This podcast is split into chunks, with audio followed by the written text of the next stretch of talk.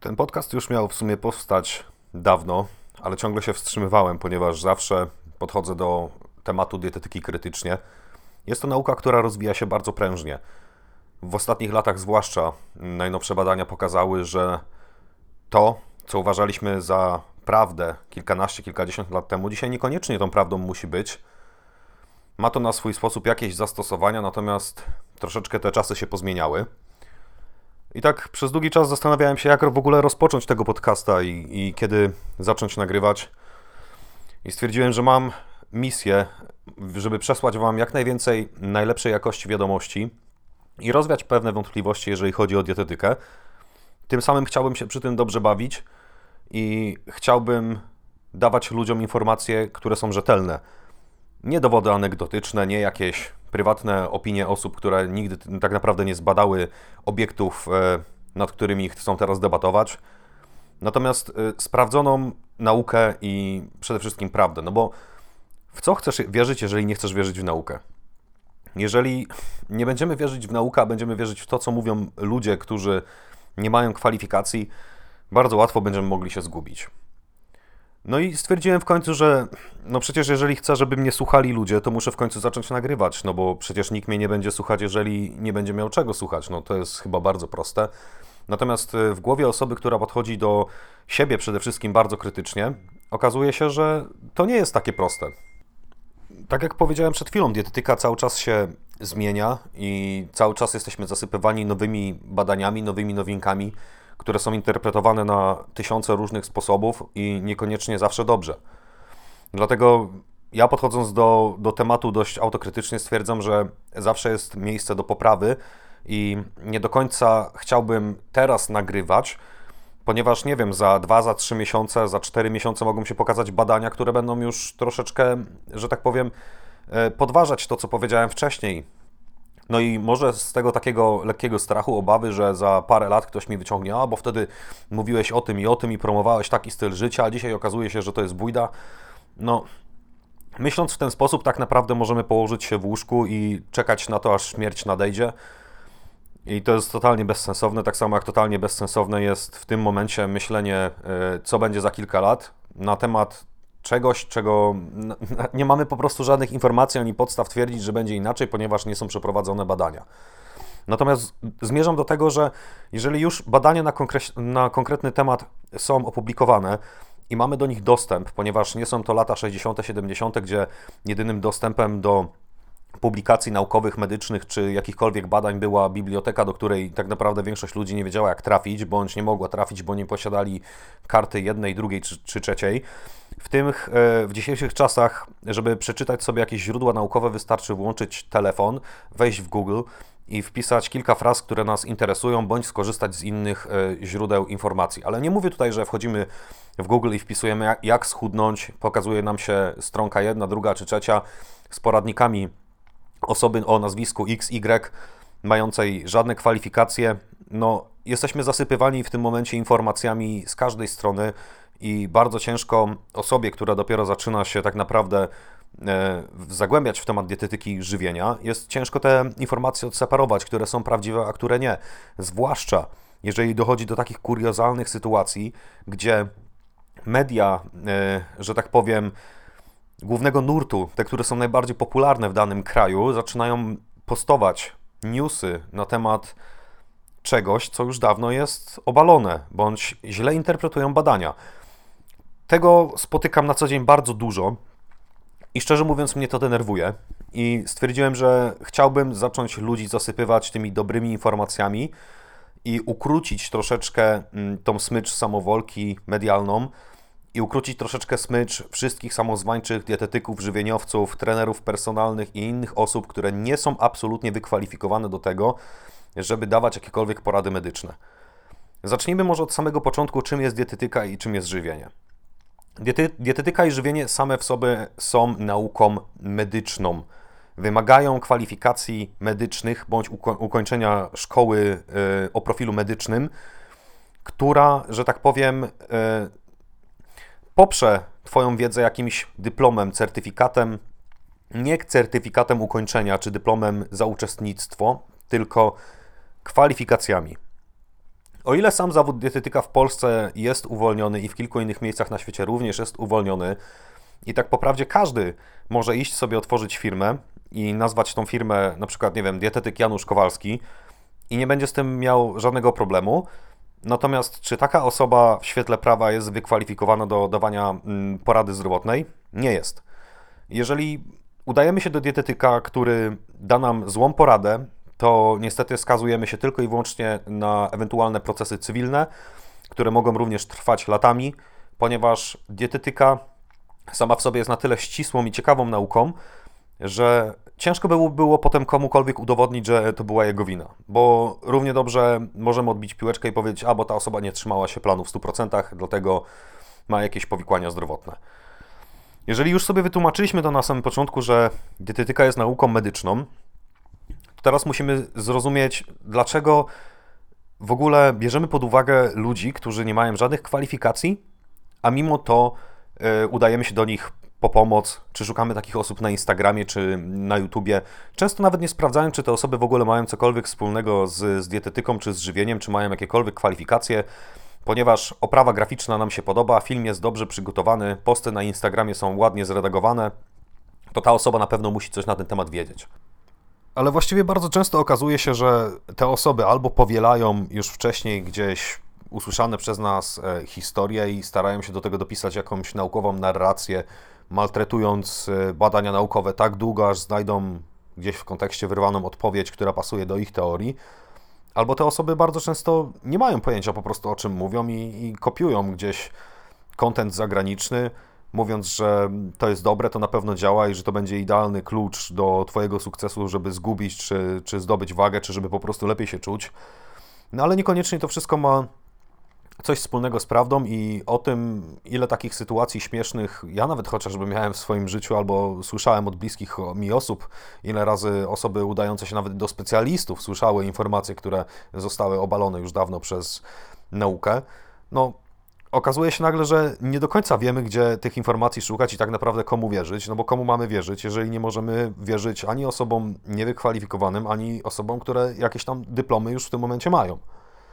Najważniejsze w tym wszystkim jest oczywiście nie popadać ze skrajności w skrajność i nie traktować każdego potencjalnie jako osobę, która chce nam zrobić krzywdy i nie zakładać też z góry, że osoba, do, do której idziemy na pewno się zna na tym, o czym mówi, że może się znać, ponieważ no, w dzisiejszych czasach jest ten problem, że każda osoba, która kiedyś tam schudła bądź potrafi ugotować dwa albo trzy dania, twierdzi, że jest specjalistą do spraw żywienia, no bo, no bo tak jest już.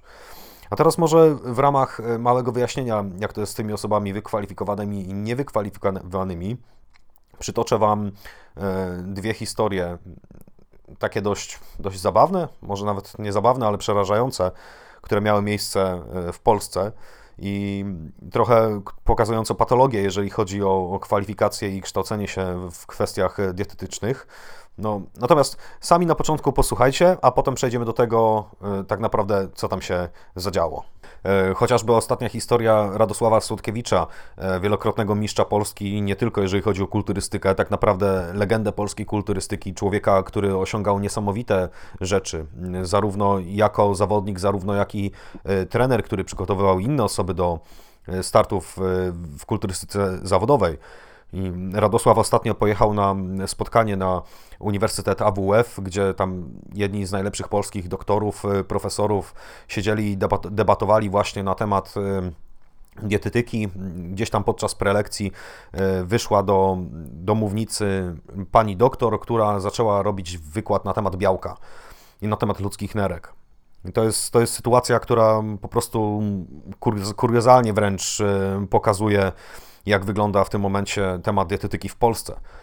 Pani doktor powiedziała, że no, jeżeli ktoś tam spożywa między 1 a 1,5 grama e, białek w swoich diecie na kilogram masy ciała w takim przeliczniku, czyli jeżeli ważysz 100 kg, no to tam powinieneś jeść około 150 gramów e, białek i to powinno być wystarczająco. Ponieważ większe ilości białek spożywane przez nas mogą spowodować dysfunkcję nerek i możemy się nabawić strasznych chorób, w ogóle tam przeszczepy, nie przeszczepy. No i Rados Radosław tak tego posłuchał 5 minut, jak pani skończyła mówić, no to podniósł rękę, oczywiście pani powiedziała, tak panie Radosławie, słuchamy jakieś tam pytania. No i Radek mówi wtedy, No ale co, co się dzieje z taką osobą, która je powiedzmy, nie wiem, 3,5 grama y, białka na kilogram masy ciała, czyli jeżeli ważysz 100 kg, no to przyjmujesz 350 gramów białek dziennie. No i pani doktor oczywiście już y, striggerowana zaczęła opowiadać, że nie, że to jest niemożliwe, że taka osoba po, po pewnym czasie to już w ogóle mm, powinna do szpitala jechać, że to już jest pewne, że tam będą uszkodzenia, nieodwracalne zmiany. Radosław westchnął i, i odpowiedział na głos. Wie pani co, no bo ja w ten sposób się żywię już 25 lat i nic mi nie jest. I zapadła cisza. Nie wiem, jak ta historia się dalej skończyła, ponieważ sam Radosław już tego nie mówił. Na pewno, e, znając jego osobę, nie było, nie było to zrobione w takim celu, żeby kogoś upokorzyć, czy pokazać swoją wyższość, bo ja jestem mistrzem kulturystyki, to ty, tam profesorek z dyplomem, to się nie masz co odzywać. Tylko po prostu pokazało to bardzo dziwną, a wręcz śmieszną sytuację, że osoba, która teoretycznie nie powinna żyć, według badań, żyła i wyglądała na całkiem żywą podczas swojego przemówienia, tak? Więc no i tutaj oczywiście już e, na samym początku kontrując argument, który gdzieś tam na pewno mógłby się pojawić, że a, bo to jest kulturysta, zawodowiec pod wpływem y, dopingu, na pewno na sterydach, no to tak mu się udało i jemu akuratnie nic nie jest. No moi drodzy, ja od razu na samym początku muszę powiedzieć, no, w dniu nagrywania tego podcastu ja ważę 88 kg i zjadam dziennie między 240 a 260 gramów białek, co daje przelicznik 3 gramy białek na kilogram masy ciała. Nic mi nie jest. Miałem niedawno robione badania krwi, markery wątro, wątrobowe, badane nerki, e, hormony. Wszystko jest ok. Ponieważ nie jestem pod wpływem dopingu, to tym bardziej powinno mi się coś dziać, natomiast nic mi się nie dzieje, nie ma żadnych przeciwwskazań. E, doktor nic nie powiedział na temat spożycia zbyt dużego białek. To to po prostu zupełnie mnie ten temat nie dotyczy, zupełnie ten temat nie dotyczy zapewne większości z Was, dopóki ktoś nie ma stwierdzonych e, problemów z nerkami i rzeczywiście nie ma tych przeciwwskazań zdrowotnych do tego, żeby takie ilości białek zjadać. Takich sytuacji, jeżeli chodzi o dietetykę, jest pełno. Czy to chodzi o diety ketogeniczne, czy chodzi o diety wysokowęglowodanowe, czy chodzi o diety paleo, czy chodzi o dietę mięsożerców. Zawsze znajdą się jakieś badania i zawsze znajdzie się jakieś poparcie, że niekoniecznie te badania muszą być w danym kontekście dobre, czyli na przykład powiedzmy, nie wiem, no, dieta ketogeniczna, osoby twierdzą, że przechodząc na dietę ketogeniczną one się czują jak odżywione, odmłodzone, czują się lepiej, są lepiej skupione i tak dalej, i tak dalej. No i że to jest idealna dieta zbawcza, no bo przecież ucinamy te złe węglowodany i tak dalej i, i tłuszcz jest naszym królem. No ale moment, jeżeli zagłębimy się chociaż troszeczkę w podstawy biologii, no to wiemy, że jednym z łańcuchów DNA są łańcuchy cukrowe.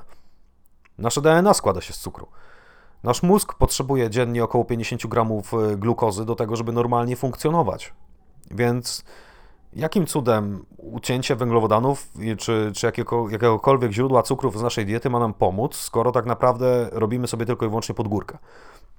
Wiadomo, że dochodzi tam już do procesów chemicznych w naszym organizmie, gdzie e, w, krytycznych sytuacjach ten organizm jest w stanie sobie poradzić i wyciągnąć nawet tam jakieś jednostki glukozy czy, czy innych e, cukrów z białek, czy jest też w stanie właśnie za pomocą ciał ketogenicznych odżywiać e, ten organizm tylko i wyłącznie bazując na tłuszczach.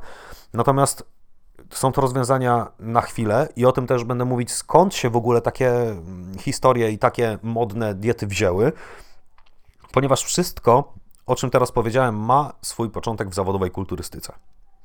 Nie jest to żadną tajemnicą, że kulturysty, kulturysta przygotowując się do zawodów na kilka dni przed zawodami ucina całkowicie podaż węglowodanową e, po to, żeby troszeczkę się e, wysuszyć, odwodnić, żeby te mięśnie były bardziej widoczne, żeby ta waskularyzacja była bardziej podkreślona, ponieważ na scenie nie tylko, róż, nie tylko wyróżnia się e, ilość masy mięśniowej, ale również proporcje i samo docięcie, tak? Więc ktoś gdzieś kiedyś tam usłyszał, że a no bo zawodnicy przecież 3 dni przed zawodami, czy tam tydzień przed zawodami przychodzą na keto, no to ja też przejdę na keto, też będę świetnie wyglądać.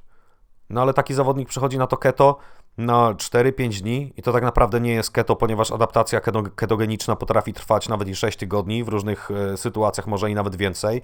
U niektórych osób może to e, trwać znacznie krócej, natomiast nigdy nie wiemy ile ta adaptacja będzie trwała, dopóki się nie zaadoptujemy i nie sprawdzimy e, poziomu ciał ketogenicznych w naszym organizmie za pomocą badań, po prostu badań krwi. Musimy sobie ukuć palca, upuścić krople krwi na urządzenie, czy to na zaadaptowane do tego glukometr, czy też inne urządzenie do mierzenia ciał ketogenicznych. Dopiero wtedy wiemy, czy jesteśmy w ketozie.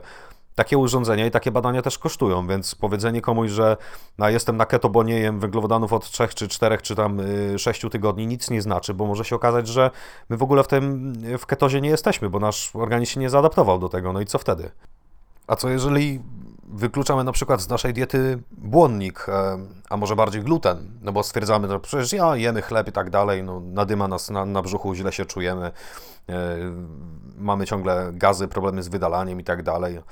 A co jeżeli to nie jest gluten, tylko to jest jedna z, z kilku frakcji błonnika, na którą możemy mieć nawet nie alergię, tylko jakąś nietolerancję, bo też bardzo dużo osób e, myli alergię z nietolerancją, a tutaj sam proces, jak i same objawy są bardzo różne.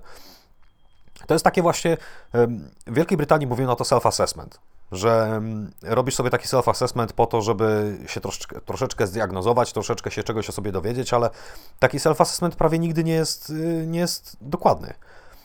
No bo jak możemy wiedzieć, czy mamy na coś tolerancję, czy mamy na coś nietolerancję w momencie, kiedy się nie badamy? No, to nie jest tak, że wstajemy rano, pijemy kawę, dopijamy kawę, zostaje nam trochę fusów, więc tam na dole prze, przelecimy palcem i nagle z tych fusów nam wychodzi, masz tolerancję na laktozę. No, życie tak nie wygląda i w życiu trzeba kierować się niestety informacjami od specjalistów i trzeba się kierować przede wszystkim badaniami, a nie szukać po sobie jakichś trendów e, bez poparcia, bo coś na nas może działać, bo gdzieś tam na kogoś zadziałało, to na mnie też na pewno działa i i tak od 2010 roku e, psychologia tłumu działa w ten sposób, że wszyscy mieli uczulenie na węglowodany, potem wszyscy mieli uczulenie na orzechy, potem wszyscy mieli uczulenie na, na laktozę, potem wszyscy mieli uczulenie na glukozę, potem wszyscy mieli uczulenie na ketozę i możemy tak wymieniać w kółko.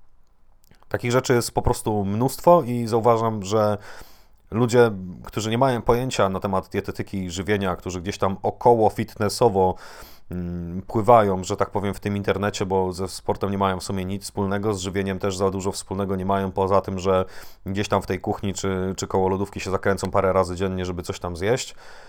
No ale tak zazwyczaj to te osoby po prostu nawet się nie fatygują do lekarza, kiedy są na przykład przeziębione, czy, czy mają grypę po jakiekolwiek leki, a takie osoby są w stanie przeprowadzić sobie diagnozę w domu za pomocą łyżki y, kawy i, i kieliszka wody. Dlaczego warto o tym pamiętać, że wymyślanie sobie teorii, czy, czy sprawdzanie na sobie jakichś rzeczy, które działały na kimś, nie jest nigdy dobrym wyjściem? No, właściwie dlatego, że możemy sobie zrobić krzywdę, bo o ile sama dieta w sobie e, jest po to, żebyśmy się czuli dobrze i potrafili normalnie funkcjonować, tak w drugą stronę źle skonstruowana dieta, źle zbalansowana dieta może również nam przynosić skutki odwrotne, czyli uboczne. Możemy się czuć źle, możemy nie mieć energii, możemy e, odczuwać na przykład ciągłe zmęczenie, możemy mieć stany depresyjne, stany lękowe, mniejsze libido, e, problemy z wypróżnianiem. Więc tych, lista tych rzeczy, które mogą być dobre przez naszą dietę, a które mogą być złe przez naszą dietę, jest po prostu bardzo długa i dotyczy całego naszego życia i to nie jest tylko tak, że za mało zjemy, więc nie będziemy mieli energii, albo za mało zjemy, to będziemy się źle czuli, będziemy podenerwowani i tak dalej. To wygląda zupełnie inaczej i dlatego, jeżeli mamy problem z dietą, udajemy się do dietetyka. Wcześniej o tym mówiłem, że na Instagramie, na social mediach jest pełno znachorów. Jestem bardzo zdziwiony, dlaczego w ogóle ludzie e, udają się do takich osób, no bo przecież popatrz na to. Jeżeli zepsuł ci się samochód, idziesz do mechanika. Jeżeli boli cię ząb, idziesz do, do dentysty. Jeżeli masz problem z głową, e, w sensie fizycznym, idziesz do neurologa. Jeżeli masz problem z głową w sensie psychicznym, idziesz do psychiatry. Więc dlaczego, jeżeli masz problem z żywieniem, czyli z fundamentalną rzeczą w swoim organizmie, która sprawia, że żyjesz z jedzeniem, to idziesz do znachora? Ja mam takie wrażenie, że w całej tej łatwości zdobywania tych informacji, zdobywania różnego rodzaju kwalifikacji i przechodzenia kursów online, ludzie troszeczkę się w tym wszystkim zagubili i zaczęli myśleć, że żeby zostać specjalistą czy ekspertem w danej dziedzinie, jedyne co musisz zrobić tak naprawdę to mieć dyplom, nieważne jaki, nieważne od kogo, ważne, żeby mieć dyplom wiedzieć, jakiej terminologii używać, no bo terminologia jest bardzo ważna. Jeżeli mówisz o czymś, co brzmi poważnie, a przede wszystkim mówisz o tym w taki sposób, że brzmisz na pewnego siebie, no to już 100% sukces, ludzie na pewno zaczną tu kupować. W większości przypadków niestety tak to wygląda, że osoby, które mają bardzo małą wiedzę na, na, na, dany temat, zachowują się jakby miały bardzo dużą wiedzę na, da, na dany temat. W drugą stronę wygląda to tak, że osoby, które w danej dziedzinie są wykwalifikowane, e, patrzą na siebie bardzo autokrytycznie i nie, nie doceniają wręcz, można powiedzieć, swoich umiejętności. Dlaczego tak jest, też nie będziemy się w to zagłębiać. No ale w takim razie co z konsekwencjami? Czyli Patrząc na, na logikę pewnych osób, już nawet nie chcę tutaj sypać instagramowymi nikami i tak dalej, bo ten podcast nie ma na celu hejtowania nikogo, bo jest to podcast edukacyjny, w którym będziemy tłumaczyć bardzo wiele rzeczy bardzo dużo zagadnień. No to co z, z konsekwencjami? No, możesz sobie pójść i zrobić kurs chirurga trzydniowy i zacząć operować ludzi? No nie. No, bo możesz być chirurgiem od serca, możesz być chirurgiem plastycznym, możesz być chirurgiem od paznokcia, możesz być chirurgiem od szycia delikatnych rozcięć na skórze, tak? Ale czy to jest małe rozcięcie na skórze, czy to jest y, operacja serca, jednak wolisz się udać do y, specjalisty, do kogoś, kto będzie wiedział, jak z tobą postępować, jak się tobą zająć i jak, jak może przebiegać w ogóle cały ten zabieg, jakie mogą być następstwa, jakie mogą być skutki uboczne, tak? jak ratować człowieka z tych skutków ubocznych. No dlatego idziemy do specjalistów. No ale co jeżeli taki dietetyk da ci złą dietę? No, skutki złej diety to jest coś, o czym można napisać książkę, ponieważ tych skutków jest bardzo dużo. Tak jak tam wcześniej wspomniałem, są to niesamowicie długie listy tego, w jaki sposób coś może się dziać, ponieważ stan depresyjny u jednej osoby nie jest równy stanu depresyjnemu u drugiej osoby, tak? Problemy z wątrobą u jednej osoby nie są takie same jak u drugiej. I możemy tak wymieniać cały czas. Odnośnie wszystkiego, tak? No mamy, mamy badania, które mówią na ten temat, że jeżeli oś jelita-mózg jest y, w dzisiejszych czasach już tak coraz bardziej badana dogłębnie, że zdajemy sobie sprawę z tego, że wszystkie substancje, które trafiają do naszej krwi, do naszych jelit mają bezpośredni wpływ na to, jak będzie się zachowywać nasz mózg. To dlaczego wciąż udajemy się do osób, które nie mają pojęcia o tym, o czym mówią? Bardzo prostym przykładem tego osób właśnie, które nie mają pojęcia o tym, o czym mówią, są Zwłaszcza teraz w Polsce jest taki wysyp kont na Instagramie, najbardziej coś w stylu jedz, nie wiem, z Asią Kowalską, z fit przekąska, y, słodka dietka. No i taka dieta na, na, czym polega? No wiadomo, że typowy Kowalski, szarak, jeżeli będzie przechodzić na dietę, no to pierwsze co pomyśli, dobra, to muszę ukrócić wszystko, teraz to już tylko ryż z brokułami, z kurczakiem, sałata z octem i dziękuję to wszystko, tak?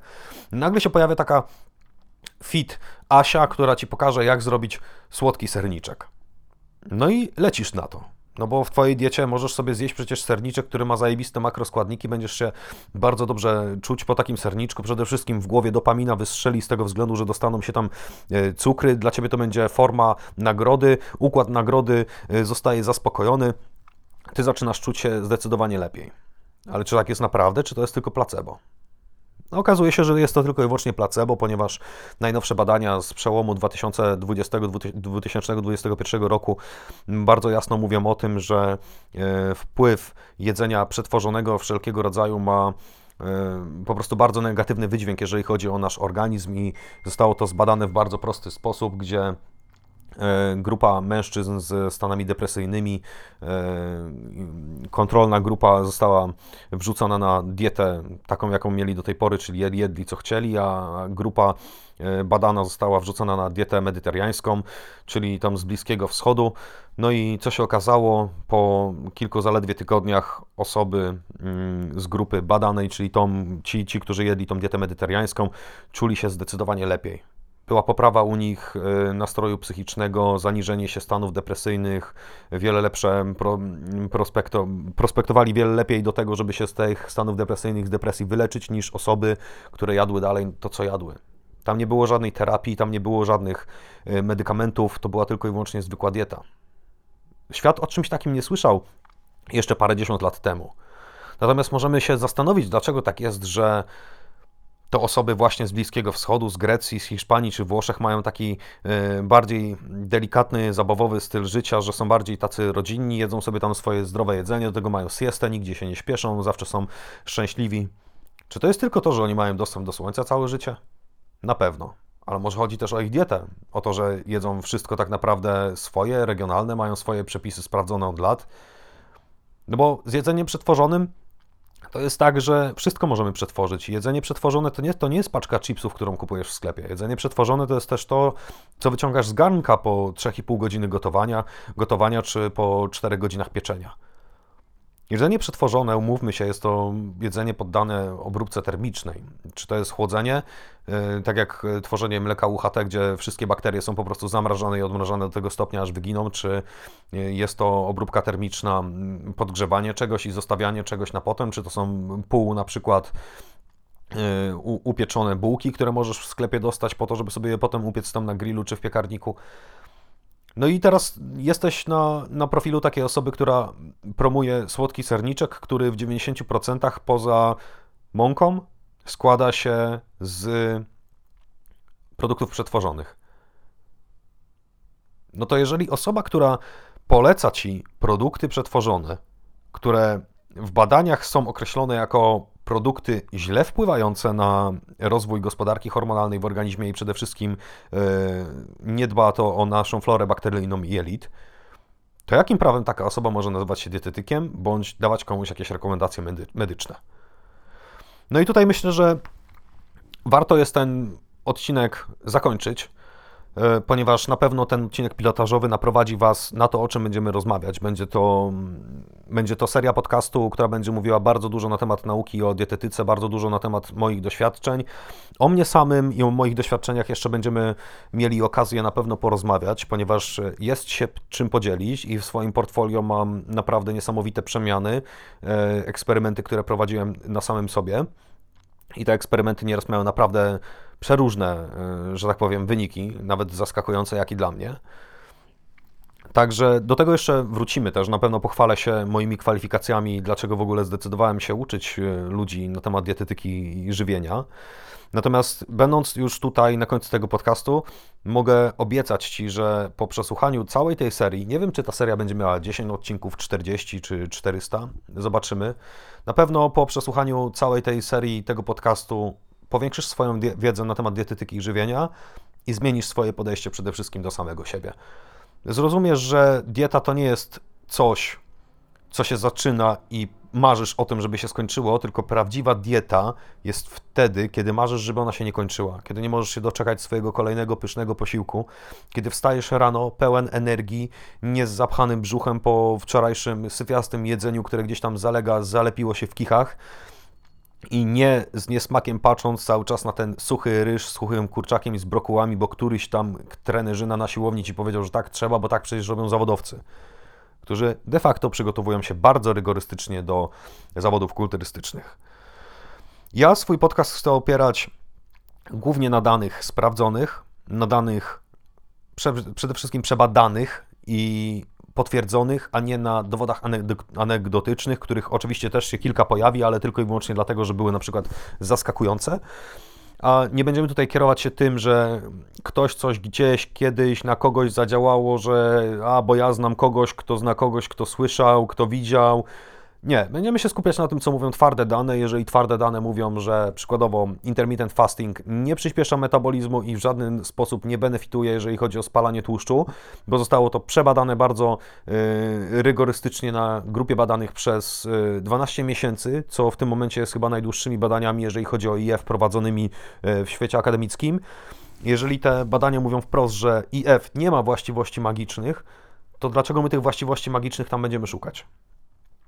No to nie ma żadnego sensu, bo to są dowody anegdotyczne i to, że ktoś gdzieś tam się czuł lepiej, czy nagle jego życie się zmieniło o 180 stopni, dlatego że wszedł na keto, czy na high carb, czy na low carb i tak dalej, to w większości jest po prostu placebo, to w większości jest tylko i wyłącznie nasza własna percepcja i tego nigdy nie zbadamy e, naukowo, bo jeżeli chodzi o wiarę, to wiara jest rzeczą paranormalną, coś, czego nie da się odtworzyć, ponieważ musimy sobie to też powiedzieć, że nauka jest odtwarzalna, czyli jeżeli dodasz 1 do 1, wychodzi ci 2, jeżeli podłączysz e, ładowarkę do kontaktu, zaczyna przepływać prąd, to jest coś, co możemy odtworzyć, natomiast wierzenia, cudu czy sytuacji paranormalnej nie jesteśmy w stanie odtworzyć. Wiele razy próbowaliśmy i do dzisiaj nie udało nam się ani skutecznie wywołać ducha, ani skutecznie po raz kolejny zobaczyć objawienia Matki Boskiej, ani po raz kolejny w tym samym miejscu na przykład znaleźć przelatującego statka UFO. Dlatego właśnie, że paranormalne rzeczy są niezmierzalne, a nauka jest powtarzalna i odtwarzalna. Tak samo jak ten podcast, który możesz sobie odtworzyć czy na komputerze, czy na telefonie, czy w pracy, czy podczas treningu, czy podczas nauki.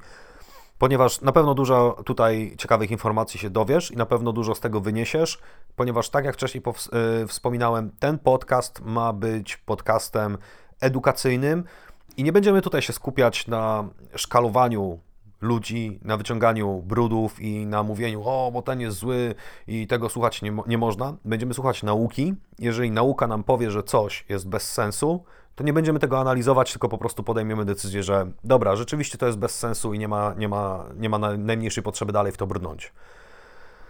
Więc e, dziękuję za spędzony czas, dziękuję za wysłuchanie i zapraszam serdecznie do kolejnego odcinku podcastu, w którym na pewno przedstawię siebie bardziej.